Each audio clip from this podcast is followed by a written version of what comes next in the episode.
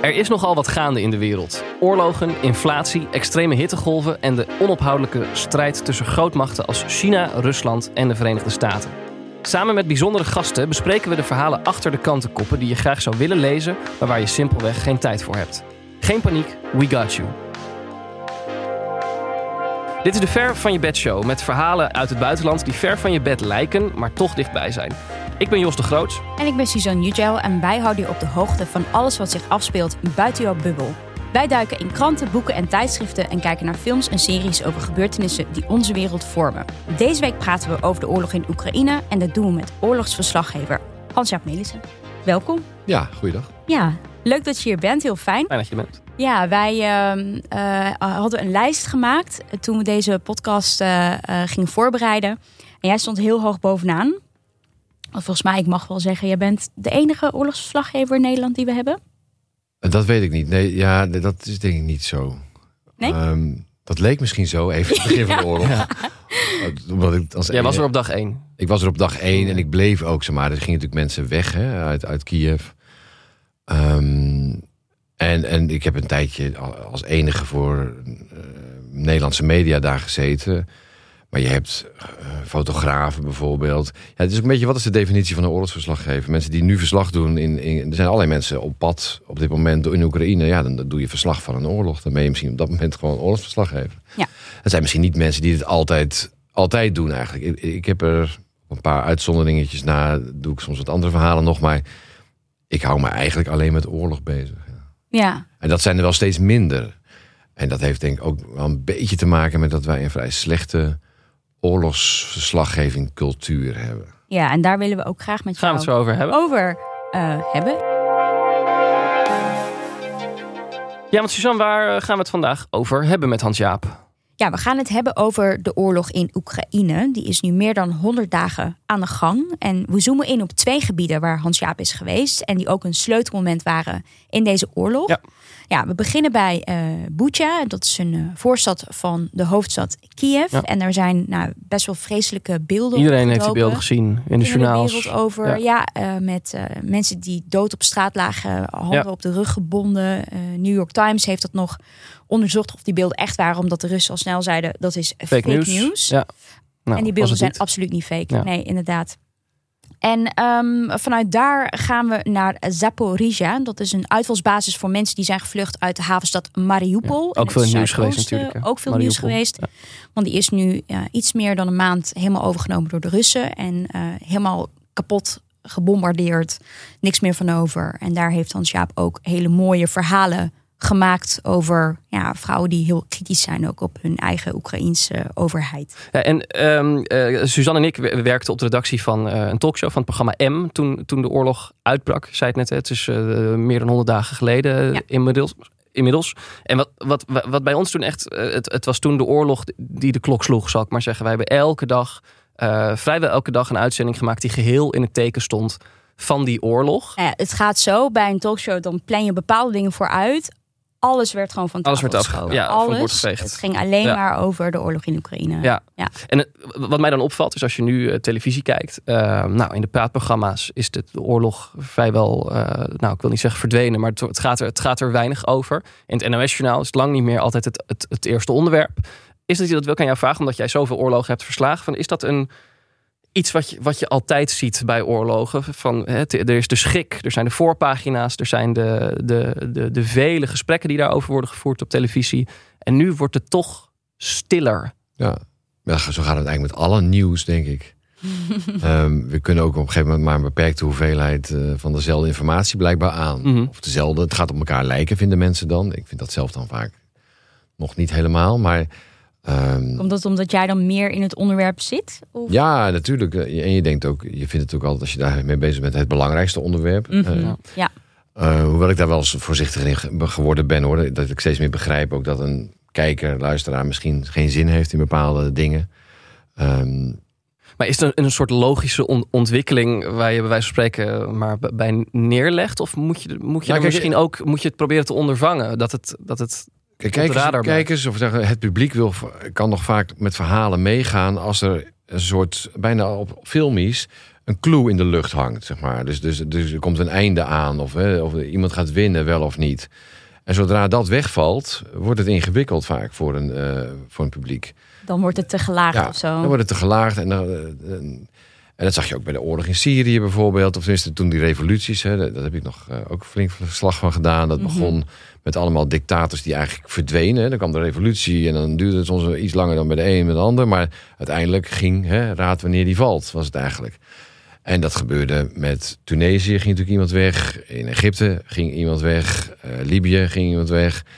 Alleen bij Syrië gebeurde dat maar steeds niet. En de heer Assad zit er bijvoorbeeld nog. Ja. Die oorlog kreeg andere dynami- dynamische elementen eh, met IS erbij. Maar toch, je zag uiteindelijk, en die oorlog duurt nu ook al een hele tijd. Ja, dat mensen die kijken niet meer naar wat er in Syrië gebeurt. Want het, concept van ja, er zit nog wel ergens een groep oppositie, maar die is ook een beetje verdacht. En eh, ehm, ja, en ze gaan toch niet heel acuut waarschijnlijk eh, Damascus veroveren.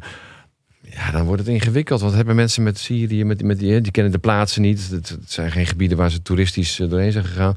En dat is met Oekraïne denk ik ook wel gewoon zo. Dat, dan hebben ze de rampen. Rampen op plekken waar, waar, een- waar Nederlandse toeristen doodgaan ook trouwens. Dus vaak helemaal. eh, doen, ja, die kun je dan nog wat beter serve- uitserveren. Maar zodra het een beetje obscure gebieden zijn voor Ja. de gemiddelde kijker.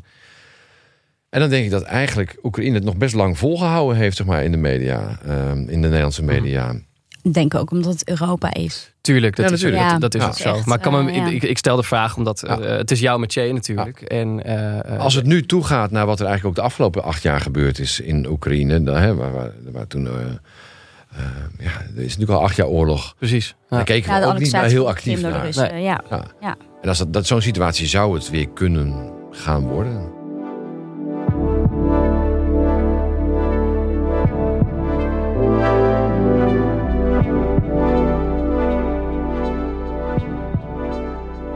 Het is 24 februari als Poetin in een speech aankondigt dat Rusland een speciale militaire operatie zal uitvoeren om Oekraïne te bevrijden van de nazi's. Zoals Poetin dat dan noemde. Een invasie volgt, maar het Oekraïense leger blijkt sterker dan gedacht. Kiev valt niet, een overname van het land blijft uit. En gevechten eh, van nu gaan vooral om het oostelijk deel van Oekraïne, de regio's Donetsk en Luhansk. Nou, daar gaan we over praten met Hans-Jaap Melissen. Wat mij betreft oorlogsverslaggever des Vaderlands. Eh, we zien jou altijd in beeld. Nee, maar het is wel echt waar. We zien jou altijd in beeld als er eh, ergens een oorlog uitbreekt. Libië, Syrië, Irak, Afghanistan, daar ben je allemaal geweest. Ehm, je bent nu twee keer in Oekraïne geweest. eh, als ik het- Nee, drie keer denk ik. Drie keer inmiddels sinds de, sinds de oorlog is uitgebroken. Ja. Ehm, en jij, jij hebt in die periode, eh, heb jij voor de website nu.nl heb je een dagboek bijgehouden. Van, Ook, ja. dagboek ehm, in Oekraïne. En daarin lazen wij het volgende. Als ik lang in een oorlogsgebied ben, dan is het vaak hetzelfde liedje. Op een gegeven moment hoor ik in mijn vermoeide hoofd dit.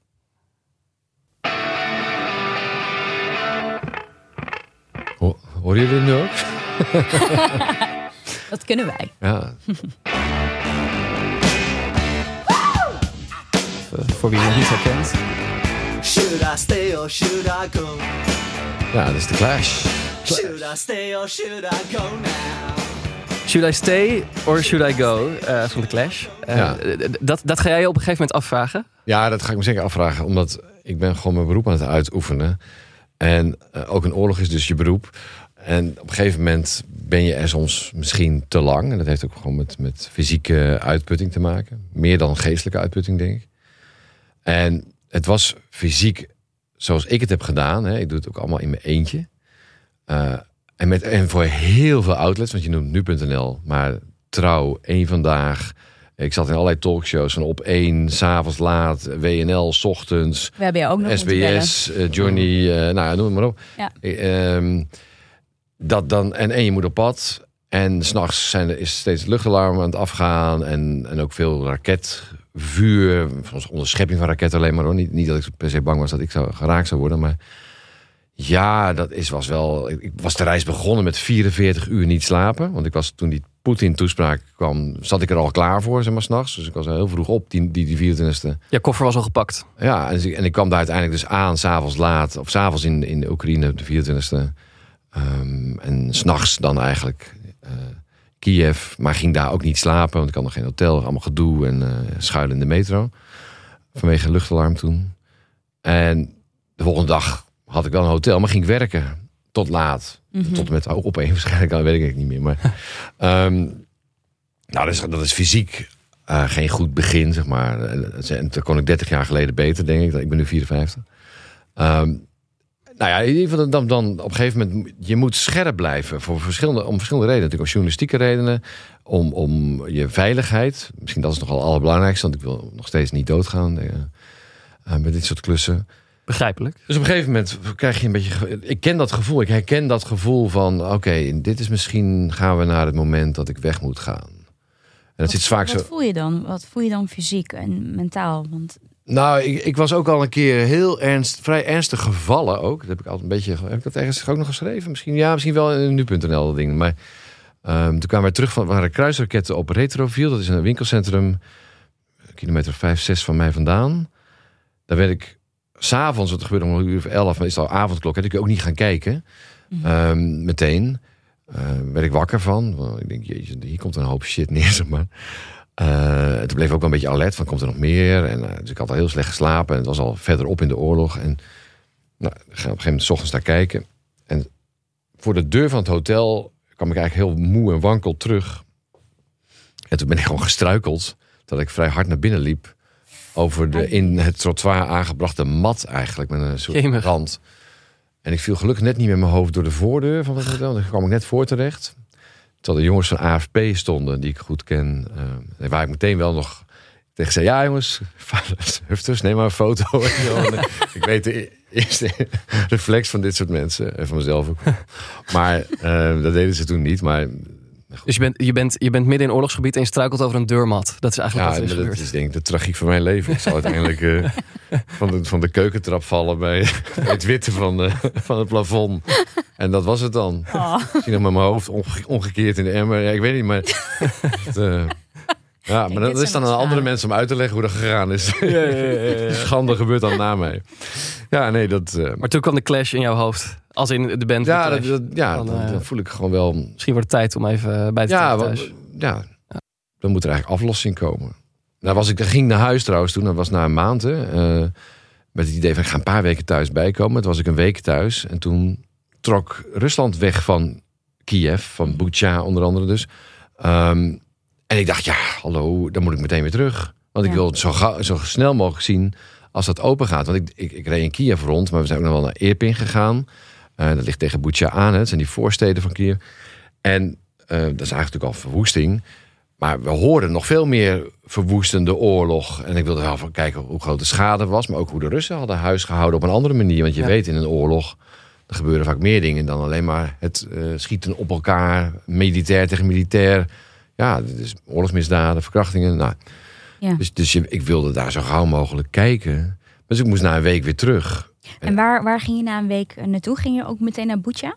Nou ja, en ik ging meteen terug naar, naar Kiev, naar het hotel. Want ik had Ja. mijn koffer laten staan. Mijn grote koffer. Ja, ik dacht, van, ik ga toch weer vrij gauw terug. En dan zul je mijn kogel weer in het vest naar Nederland. Ja. En in, in Utrecht gebeurt niet zoveel. Eh, Dus ja, een tramschutter ooit. vest eh, lag Maar- in de koffer daar in... Ja, je stond nog in het hotel. Dus ik ga Ja. naar mijn hotel gewoon terug. En dat Bucha is prima te bereiden vanuit, Mhm. vanuit Kiev. Bucha, Irpin, eh, Borodjanka. Allemaal van die plaatsen waar zwaar huis gehouden was op alle mogelijke manieren. Ja, wat, dat- wat heb je gezien in, in Bucha? Want dat, dat waren, ik denk dat dat een moment was waarop... Kijk, de, de oorlog was natuurlijk al heel erg in onze huiskamers. Maar eh, toen er eh, beelden de wereld overgingen van mensen... die met hun handen gebonden achter hun rug op straat lagen... dat was wel echt de horror. We wisten eigenlijk niet zo goed wat er nou precies gebeurde. Hè? Je Nee, weet nee. dat er oorlog is, maar je ziet niet echt wat is nou het effect daarvan. Ja, En ik denk dat dat de want eerste toen misschien het meest waren. binnen. Precies. Ehm, waarop je dacht, oh fuck, dit is echt ernstig. Verbindingen lagen er ook uit. Hè? Want in Kiev had je prima internet en mobiele telefoonverbinding. Maar Bucha, Irpin, dat merkte ik zelf als we naar Irpin gingen. Dan, dan moest je door een stukje bos nog. En dan zag je het al zwakker worden, het signaal. En eigenlijk als je bij Irpin was, was het signaal weg. Hmm. En dat was voor ons misschien vervelend. Maar hebben wij nog manieren voor om wel eh, contact te krijgen. Maar eh, die mensen zaten daar ook eigenlijk zonder contact met de buitenwereld. Eh, dus, dus, dus, Doodeng. dus, ja, dat is, dus wij wisten ook niet. Want soms heb je nog wel eens in situaties van oorlog dat de mensen stiekem aan het bellen zijn. En dan hoor je van alles en nog wat. Wat er op dat moment gebeurt. Maar dat hoorden wij natuurlijk eigenlijk niet. Mhm. En dat maakt het extra interessant om te gaan kijken. En alleen toen ik arriveerde, ja, kijk, die, die, die lijken hebben natuurlijk niet eeuwig op straat gelegen. Hè. Ehm, Het eerste wat ik trouwens daar deed was met een persstripje. Dat hadden ze de, eh, georganiseerd. Ja, jij ging een soort busje ging jij er naar binnen. Dat ja, met eh, busjes, bussen. Toen een Oh, ja. hele rij, iets van 180 collega's of zo. 180. Ja, op zijn minst. Zo. Ehm, maar dat was meteen op de ochtend dat ik was net terug. en was s'nachts teruggekomen. Eh, ik denk, nou, oké, ik ga wel even in zo'n busje mee. Dan beginnen we daarmee. En dan ga ik daarna wel weer terug als iedereen weer opgehoepeld is. Of, of tenminste niet meer in zo'n busje, maar gewoon zelf. En dan moet je vooral met mensen gaan praten. Precies. Dat hebben ze meegemaakt. En dat heb ik gedaan. En dan hoor je echt afschuwelijke verhalen. En, Wat voor verhalen hoorde je van mensen daar? nou, een man die, die, waar ik trouwens ook weer, ah, nou ja, eh, met mijn laatste reis weer naar terug ben gegaan ook. Bijvoorbeeld, die zei van ja, ik zag een vrouw mee naar binnen gesleurd worden in het huis hier aan de overkant. Een van de vrijstandhuis, hij had een appartementje. En dan zag hij het allemaal gebeuren. Eh, en dan hoorde hij daar gegil en bepaalde geluiden. Dat hij dacht, ja, die vrouw wordt hier natuurlijk verkracht. En dus, eh. Russen hadden dat huis in- ingenomen. En, ehm, en die vrouw werd even later het huis uitgehaald en doodgeschoten. Dat heeft hij zien gebeuren. En ook nog twee andere mensen die waarschijnlijk voor haar op waren gekomen, of hadden weer geprobeerd te voorkomen, die werden ook doodgeschoten. En nog iemand die die niet kende. En, ehm, en die zijn toen begraven. Was de eerste tijdje hebben gelegen en hebben ze gevraagd: mogen we ze begraven? Want de Russen lieten het liever gewoon liggen. En dat kon toen ook in het begin van de oorlog makkelijker, omdat het heel erg koud was. Dat zijn we ook bijna weer vergeten. Maar ehm, Gewoon in februari natuurlijk. ja, het was, het was, het was een tijd lang extreem koud. Ja. Eh, ehm, en zeker s'nachts trouwens. Maar de, dat is voor die Russische militairen nog een heel gedoe geweest, weet ik ook. Hoezo? Nou, die sliepen dan, omdat daar de elektriciteit, dat hadden ze natuurlijk zelf mede veroorzaakt, dat de elektriciteit Oh. alles uitviel. Maar die, die moesten in de tank slapen en, en, eh, Nou ja.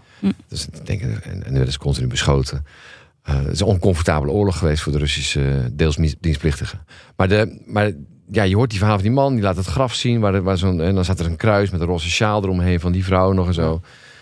En ik was al, uiteindelijk, het is me nog steeds niet gelukt om, te- om uit te vinden ook wie die vrouw nou eigenlijk was. Want ik Mm. ben nu teruggegaan naar die man. Eh, het graf was geruimd, want die, al die lichamen gaan naar, voor DNA-onderzoek. En ja, ik dacht van, ik zou toch wel iets meer willen weten nog. Wat, hoe dat, ja, is daar nog familie van en zo. Ook dat is nog steeds lastig om uit te zoeken. Is er eigenlijk een ehm, eh, manier om zo'n gesprek met, met, met slachtoffers die het ergste wat je kan bedenken eh, hebben meegemaakt. En ik heb ook beelden van jou gezien dat je met mensen eigenlijk door hun verwoeste huis loopt.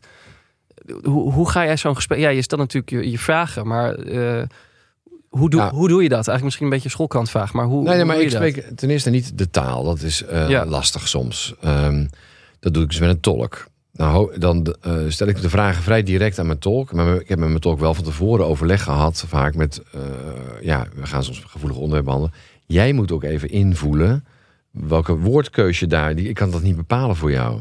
Welke, welke woorden het beste vallen of hoe je dat doet. Maar probeer het even ook zo open mogelijk te houden. Dat je mensen de kans geeft gewoon met, eigen- met een verhaal te komen. Ehm, en daar moet je wel ook voorzichtig in zijn, denk ik. Eh, ik denk dat. ehm, ja, dit is een man die iets gezien had. Ik heb niet vrouwen geïnterviewd die iets is overkomen zelf, bijvoorbeeld.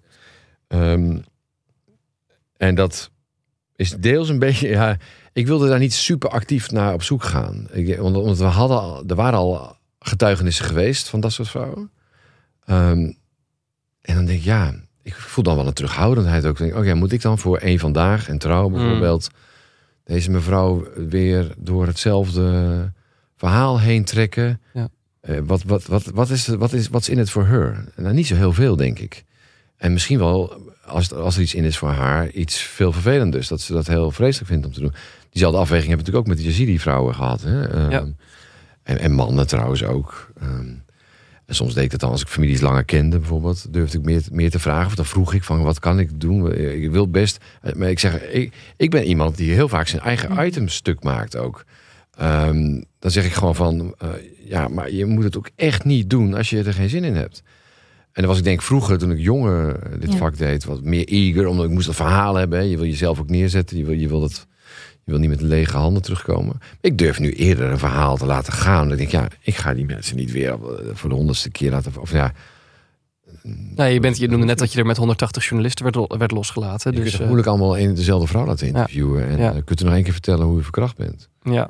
Ik geloof niet dat dat iets dient. Ik herken dat ook wel hoor, want we hebben natuurlijk ook bij talkshow gewerkt. En op een gegeven moment ga je ook met mensen spreken die daar of familie hebben of net zijn gevlucht. En op een gegeven moment voel je ook aan van, ja, als iemand een keer zijn verhaal doet of, of je voelt dat er heel veel emotie bij zit. Dus je denkt, ja, ik wil niet iemand emotioneel helemaal op laten branden. Dat vind ik moreel niet We hadden natuurlijk veel, veel Nederlandse Oekraïners eh, die wij uitnodigden in het programma. En Ja. jij hebt ze veel aan de telefoon gehad. En eh, eh, ja, die, die, die, die dreunden soms hun hele levensverhaal bij jou op aan de telefoon. Ja, echt huilend. En dan moet jij ook nog beoordelen of die mensen zomaar in een Ja, dan dacht ik, studio ja, neergezet moeten worden. Dacht, zei ik, ja, vind het gewoon niet kunnen eigenlijk. Dus Ja. die overweging die ga je dan wel maken. Want, want inderdaad, what's in it for them?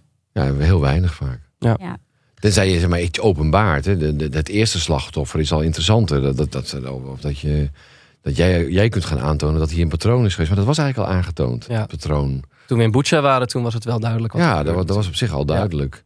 En trouwens ook die man die dat had zien gebeuren. Die zei dus de afgelopen keer dat ik er was. eh, vorige week zeg maar.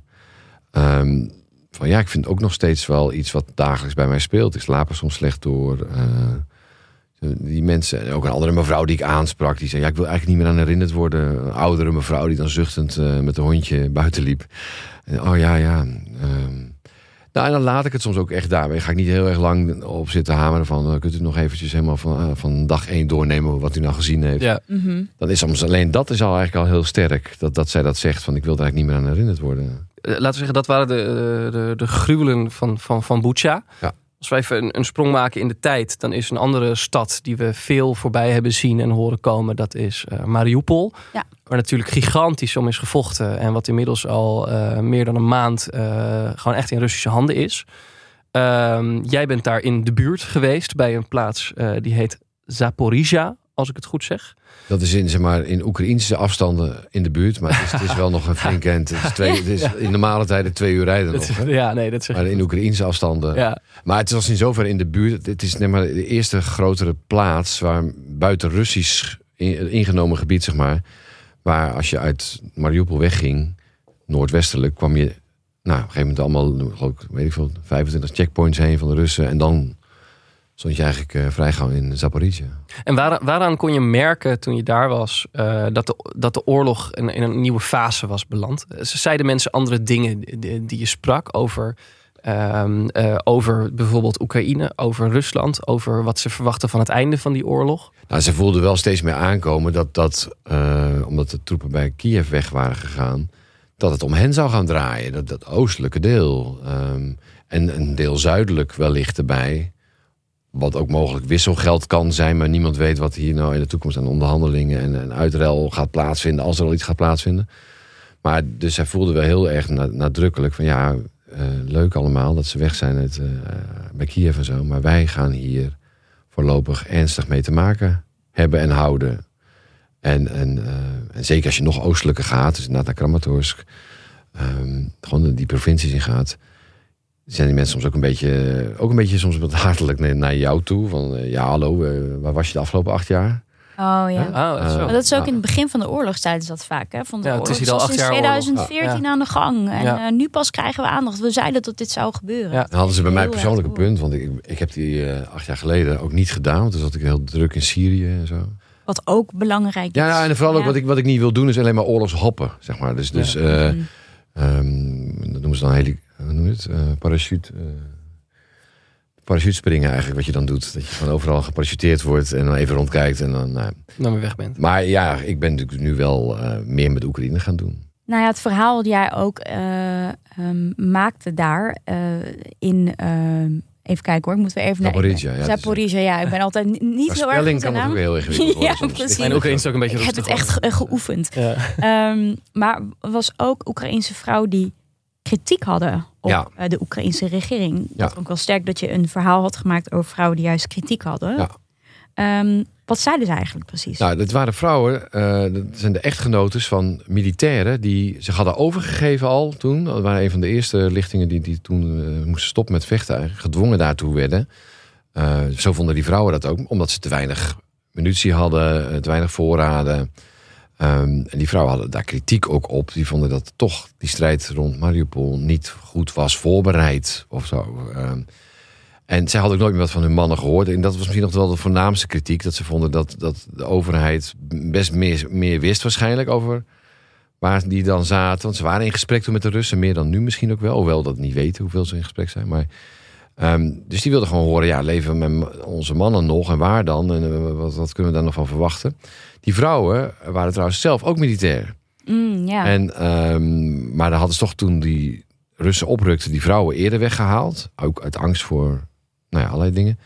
Ehm, die vrouwen hebben kritiek geuit. Eh, die vrouwen hebben later, begreep ik, ook nog wel contact gekregen met de overheid. Mensen die dan toch weer dan zeiden van... eh, waarom, de- waarom heb je kritiek geuit? Die Kritiek ligt gevoelig. Ehm, maar ze zijn er niet voor opgepakt of zo. En ook dat is trouwens iets wat ik heel erg in de gaten hou. Eh, als mensen dat gaan doen. Dat is voor mij een interessante bijdrage. Maar eh, ze deden dat onder hun eigen naam gewoon. Met ook hun gezichten, met foto's en zo. Ik wil eigenlijk ook niet weggaan met het idee van... eh, ik breng deze mensen in problemen. Maar zij wisten dat ze eventueel problemen mee zouden kunnen krijgen. En ze namen dat risico voor lief. Hebben ze drie keer nadrukkelijk gezegd. En wat voor problemen zouden zij bijvoorbeeld kunnen krijgen? Nou, dat je dus dat, dat je voor. het is natuurlijk een beetje gebruikelijk in de oorlog dat iedereen zich achter de leiders scha- schaart. En eh, dat deden zij natuurlijk een beetje minder. Ze hadden daar ook kritiek op die leiders. Mhm. En dat was toen nog niet zo heel gangbaar dat mensen dat deden. En dan kun je gewoon, eh dan zou je ja, vervelende dingen door kunnen krijgen natuurlijk. Is dat iets wat jij vaker ziet ook? Dan ben ik ook wel hun bescherming natuurlijk. Hè? Want dat, dat, ik, ze, ik weet niet of de, of de dienst zeg maar, die dat in de gaten had, wist met wie ik allemaal contact had. Ik denk van wel. Dan wisten ze ook dat ik het zou horen weer. Oh ja. En dan, eh, dan kun je er dus eigenlijk niks mee doen, denk ik. Eh, Is dat ook iets wat je vaker ziet? Dat in een oorlog dat er ja, ook niet vaak kritiek is op eigen leiders, zeg maar. Maar dat je vooral ja, een soort, in een informatieoorlog ook zit over heen en weer. Ja, natuurlijk. Nee, dat is altijd zo gegaan. Als ik, als ik denk aan twintig jaar geleden ruim...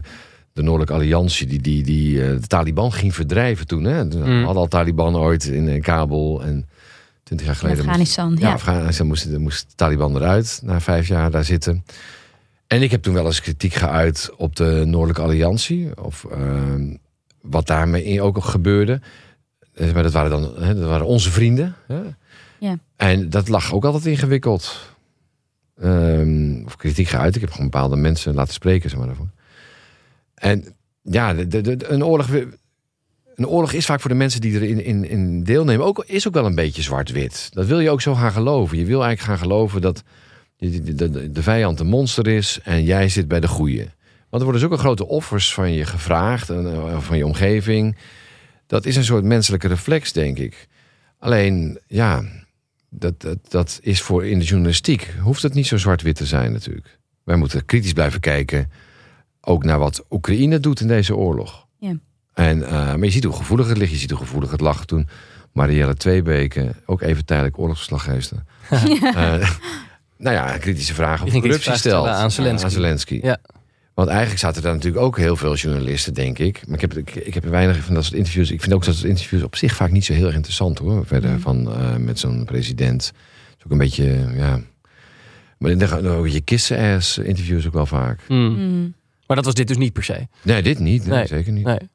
Hey, even, want je, eh, we, we wilden het graag inderdaad ook nog even hebben over de rol van de journalistiek. Eh, ik noemde jou net zelf gekscherend eh, oorlogsverslaggever eh, des Vaderlands. Maar dat zeg ik omdat we jou zien in alle brandhaarden die we de afgelopen twee decennia, drie decennia voorbij hebben zien komen. Ehm, in onze research zien wij ook wel dat jij best wel eens kritiek uit op het niveau van de oorlogsverslaggeving in Nederland. Of misschien überhaupt is hij er wel. Ehm, ehm, waarom is er, wat, wat, sto- wat stoort jou? Of, eh, wat, Nou, laat ik, laat ik eerst nog even iets, iets positiefs zeggen. Ik, Mhm. ik vind dat er hartstikke mooie verhalen gemaakt worden door allerlei programma's op dit moment. ehm, of in de afgelopen maanden ook. In, Oekraïne. En en de, dus we, de- het ligt vaak niet aan de verslaggevers natuurlijk. Dus als ze eenmaal mogen ter plekke gaan, dan, komen daar interessante verhalen uit. eh, Goed gemaakt. En eh, er zijn goede cameramensen die het goed kunnen draaien. Ehm, alleen, wat ik, de zin als ze mogen. En dat is natuurlijk wel iets wat heel veel gebeurd is in Nederland. Weet ik gewoon zelf uit ervaring. Ja. Dat er heel erg veel voorzichtige hoofdredacties zijn. Niet alleen in, in, in, in- bijvoorbeeld bij de NOS. Daar zijn ze ook altijd heel voorzichtig geweest. Met, met of mensen wel of niet echt de oorlog in mochten. Ehm, maar ook bij kranten. Eigenlijk, bijna overal. Het is wel een soort cultuur. Van, eh, ik heb altijd geschetst, hè, die zin die, die zat ineens een stuk van mij ook van. Dat, dat, dat je in de Franse journa- journalistiek, want ik ken veel Franse collega's, Ja. ehm, moet uitleggen waarom je nog niet ter plekke bent op die enge plekken waar het allemaal hè, gevaar, of gevaarlijk lijkt ook vaak. Hè. En in Nederland moet je altijd verantwoorden waarom jij daar ter plekke bent. Het- We zijn voorzichtig en volgens jou te voorzichtig. Hoe, hoe, waar- waarom hebben wij zo'n cultuur? Als, als de Fransen dus daar heel anders mee omgaan, waar komt dat vandaan? Ja, daar ben ik nooit goed uitgekomen. Eh, nee, eh, dat, dat, dat, er zijn mensen die hebben daar ongetwijfeld een beroep van gemaakt. Om, om, dat, om die psychologie daarachter. Ik kan het alleen maar vanaf de koude grond doen, zeg maar. Mhm. Ehm, ik, denk altijd, ja, wij zijn het best verzekerde land, heb ik wel eens gehoord ter wereld. Dus we zijn. eh, Maar, Ja, we zijn overal voor verzekerd. maar ik weet niet of dat Mm. waar is trouwens ook. Wil ik ook willen eh, factchecken of dat klopt. Maar de, ehm, ja, het, het land is hier wel af. En we hebben meer een cultuur, denk ik, ook alweer van, van niet te veel met je hoofd boven. En al die clichés, weet je wel. Mm. Daar kom ik ook inderdaad dat soort clichés uit. Die denk ik toch voor een deel wel waar zijn. En in Frankrijk is het toch... maar Ja, goed, ja, Frankrijk is ook natuurlijk een ontwikkeld land. En, maar die hebben toch veel meer een cultuur van eh, strijd met elkaar leveren, wie de eerste plek is. Ik was de afgelopen keer in Donetsk, dus een paar weken terug. Toen, toen eh, ging er weer een, journalist dood. Het was wel weer een Fransman. Nou ja. Mhm. Ehm, die ook een stuk verder was trouwens dan ik. Maar ik zeg daar niks over of dat verkeerd was trouwens of zo. Ja, het zijn keuzes. gewoon. Mhm. Maar ik vind trouwens ook dat ik heel bescheiden ben in mijn keuzes hoor. Ehm, eh, alleen ik, ja, wat ik gezegd heb over Kiev. Ik vond het raar dat, er in, dat ik denk, wekenlang absurd daar als enige zat voor Ja. Nederlandse media. Heb je het daar met collega's on- Nederlandse nee, want die zijn er niet op dat moment. Nee, maar ook als je terug bent, heb je Nee, dan... uh, gastje, alsjeblieft niet. nee, nee, dat is- Ja, maar eigenlijk zeg jij, het is, niet- het is... Maar dat, is niet, dat komt niet, ligt niet aan, die, aan, de, aan de individuele verslaggever. Nee, precies. Dat ligt aan de Ja. laag die daarboven zit, die heel terughoudend is. Oh, het is oorlog, oh, we moeten daar weg. Daar- Ik denk, oh, het is oorlog, daar moet je toch heen, weet je wel. Ja, precies. De brandweerauto moet die kant op, toch? Eh, wat ga je doen? Eh, ja, ik vind ook zeker als je als omroep publieke taak hebt, dan hoor je daar te zitten. Ik denk ook wel dat het een beetje langzaam op gang gekomen is. Ik zie ook wel dat dat omroepen waar de kritiek op geweest is, ook niet alleen van mij trouwens, hoor, maar dat die nu zich wel heel goed tonen en heel veel doen. Een soort compensatie. Zeker. wellicht. dat kan, maar eh, prima ook. Want ik, ik hou er eigenlijk helemaal niet van om ergens in mijn eentje te zitten. Mhm. Want ik ben moet dan dat gaan uitleggen waarom ik er zit of zo. Eh, En ik vind dat voor de oorlogsjournalistiek veel beter als er meer mensen gewoon het ook doen. En ook voor het beeld. Ik maak ook maar een deel van de werkelijkheid mee. Ja. Laat maar meer mensen doen. Nog een laatste vraag. In een van je dagboeken schrijf je... In al die ellende zocht ik ook naar hoop. Want hoe moet het hier verder? Hoe Ja. moet het daar verder? Geen idee. Hm. Ehm, ik dacht in het begin, Poetin is niet gek. Die is nog wel bezig. Die heeft een bepaalde woordkeus gehad voor het, hè, een speciale militaire operatie. Mhm. Ehm, ik dacht, dat zal hij op een gegeven moment gaan hanteren. Om op, een gegeven moment eh, op zijn op zijn fluitje te blazen. Zeg maar, het is klaar. Weet je wel? De wedstrijd is afgelopen. Speciale militaire operatie. Ehm, maar ja, afgelopen aan zijn kant wil niet meteen zeggen dat de Oekraïners dat gaan accepteren. Maar daar leek een beetje ruimte in te zitten van. ehm, ja, er komt een punt waarbij in ieder geval gepraat gaat worden. Los van waar het toe leidt. Maar ik, ik vind het op het moment omdat ik dat soort dingen gezien heb, vooral in de, eh, langer geleden. Ja. Het komt allemaal niet zoveel veel aan de orde. Ik vind het op het moment erg wazig of dat Ja. iets is. Of, of dat het misschien ook gewoon, dat ook gewoon acht jaar verder zitten straks. En, eh, eh, en het is een soort ingegraven oorlog geworden. Ook dat kan. Ja. Ja, ja. dat, dat is ook zo lastig inschatten. Want ik denk dat in het begin iedereen hoopte... van oké, dit is echt snel klaar. Als in, nou, hoe Ja. lang gaat dit duren? En nu duurt het al even. En het lijkt er Ja, niet op dat het verdwijnt een beetje uit ons zichtveld. Ja. Nou, ja, en ook, het duurt gewoon echt lang. Ja. Het, het is nu echt een flinke strijd. En aan beide kanten heb ik niet het idee dat ze denken van... nou, we gaan, we gaan opgeven, laten we gaan praten. Nee. Ja. Dat gevoel krijg ik niet als ik het allemaal volg. Niet op dit moment. Ik ben- hou ook altijd rekening met de- dat er nog een verrassing ergens is. En dat, dat er toch misschien meer achter de schermen al gebeurt op dit moment. Dat, hoor je, dat is ook wel iets wat in oorlogen gebeurt. Dat natuurlijk niet alles eh, voor de camera's gedaan wordt. Dus dan zijn er toch ineens meer contacten geweest met elkaar. Dat weet ik niet. Dat, dat, dat weet Zelensky. Mhm. Maar heeft hij ook niet verteld in het interview met Maria? Nee, dat is Nee, Dat niet. is. Dat hij ook voor. Hey, nog te- tot slot, eh, Hans-Jaap, je bent eh, nu even thuis, zou ik maar zeggen. Je bent Ja. natuurlijk ook veel, eh, veel onderweg. Is er iets eh, wat jij in de afgelopen tijd hebt gelezen of hebt gezien... waarvan je denkt, misschien wel over dit onderwerp, hoeft helemaal niet hoor... maar iets waarvan je zegt van, hey, als, als je nou geïnteresseerd bent in dit onderwerp... eh, warme tip eh, voor de luisteraars van de Ver van je Bed Show. Ik, zag, ik had net nog een boek thuis in handen. Dat is Making History van Stephen Fry. En dat heeft een beetje een, thema over ehm, een wereld waar... eh, of er ontstaat een parallelle wereld waarin Hitler uiteindelijk niet geboren is. Oh ja. Ah, En, en ehm, een soort Back to the Future eigenlijk, met dan Ja. een boekvorm. En dan volgens mij ook al voor Back to the Future. eh, weet, dat weet ik trouwens niet zeker. Maar ehm, dan, dan is dan zeg maar, als het gaat om hoe een geschiedenis loopt, dat je dat, dat je kunt denken van, oh ja, nu loopt het fijn, want we hebben iets uit de weg gedaan. In dat boek moeten ze uiteindelijk Hitler weer geboren laten worden, in, eh, omdat de- wereld zonder Hitler nog erger is geworden dan de Oh. wereld met Hitler. Weet je wel? Eh, Ja. dus, dus dat is dan. ehm, je weet, daar moet je ook. eh, je moet, moet voorzichtig zijn, denk ik, ook met voorspellen sowieso in journalistiek van waar iets heen gaat met een oorlog.